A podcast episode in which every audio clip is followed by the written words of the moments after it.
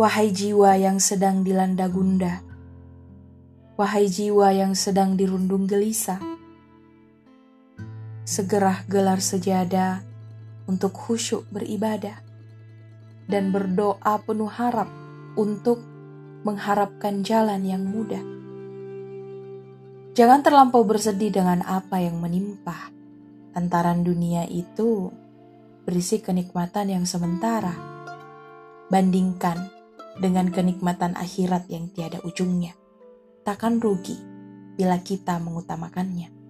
Kehidupan dunia itu sangatlah singkat.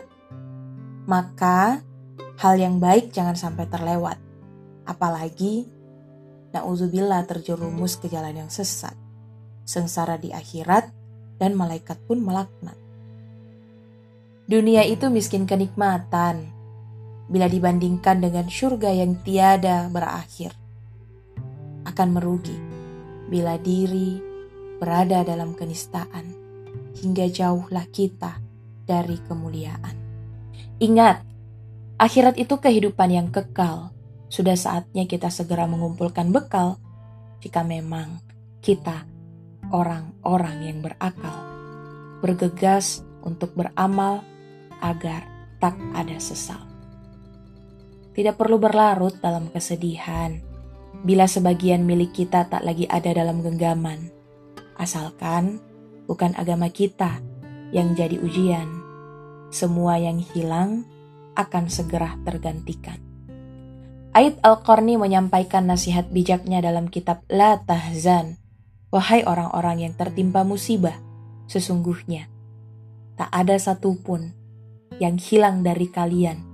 Kalian justru beruntung, karena Allah selalu menurunkan sesuatu kepada para hambanya dengan surat ketetapan yang di sela-sela huruf kalimatnya terdapat kelembutan, empati, pahala, ada balasan, dan juga pilihan. Maka dari itu, siapa saja yang sedang tertimpa musibah yang hebat, kita harus menghadapinya dengan sabar, mata yang jernih, pola pikir yang panjang.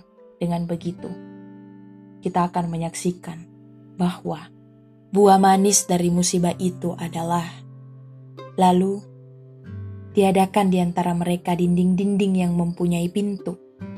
Dalamnya ada rahmat dan di dalamnya lagi ada siksa. Dan sesungguhnya apa yang ada di sisi Allah itu jauh lebih baik, lebih abadi, lebih utama, dan lebih mulia. Quran Surah Hadid ayat 13.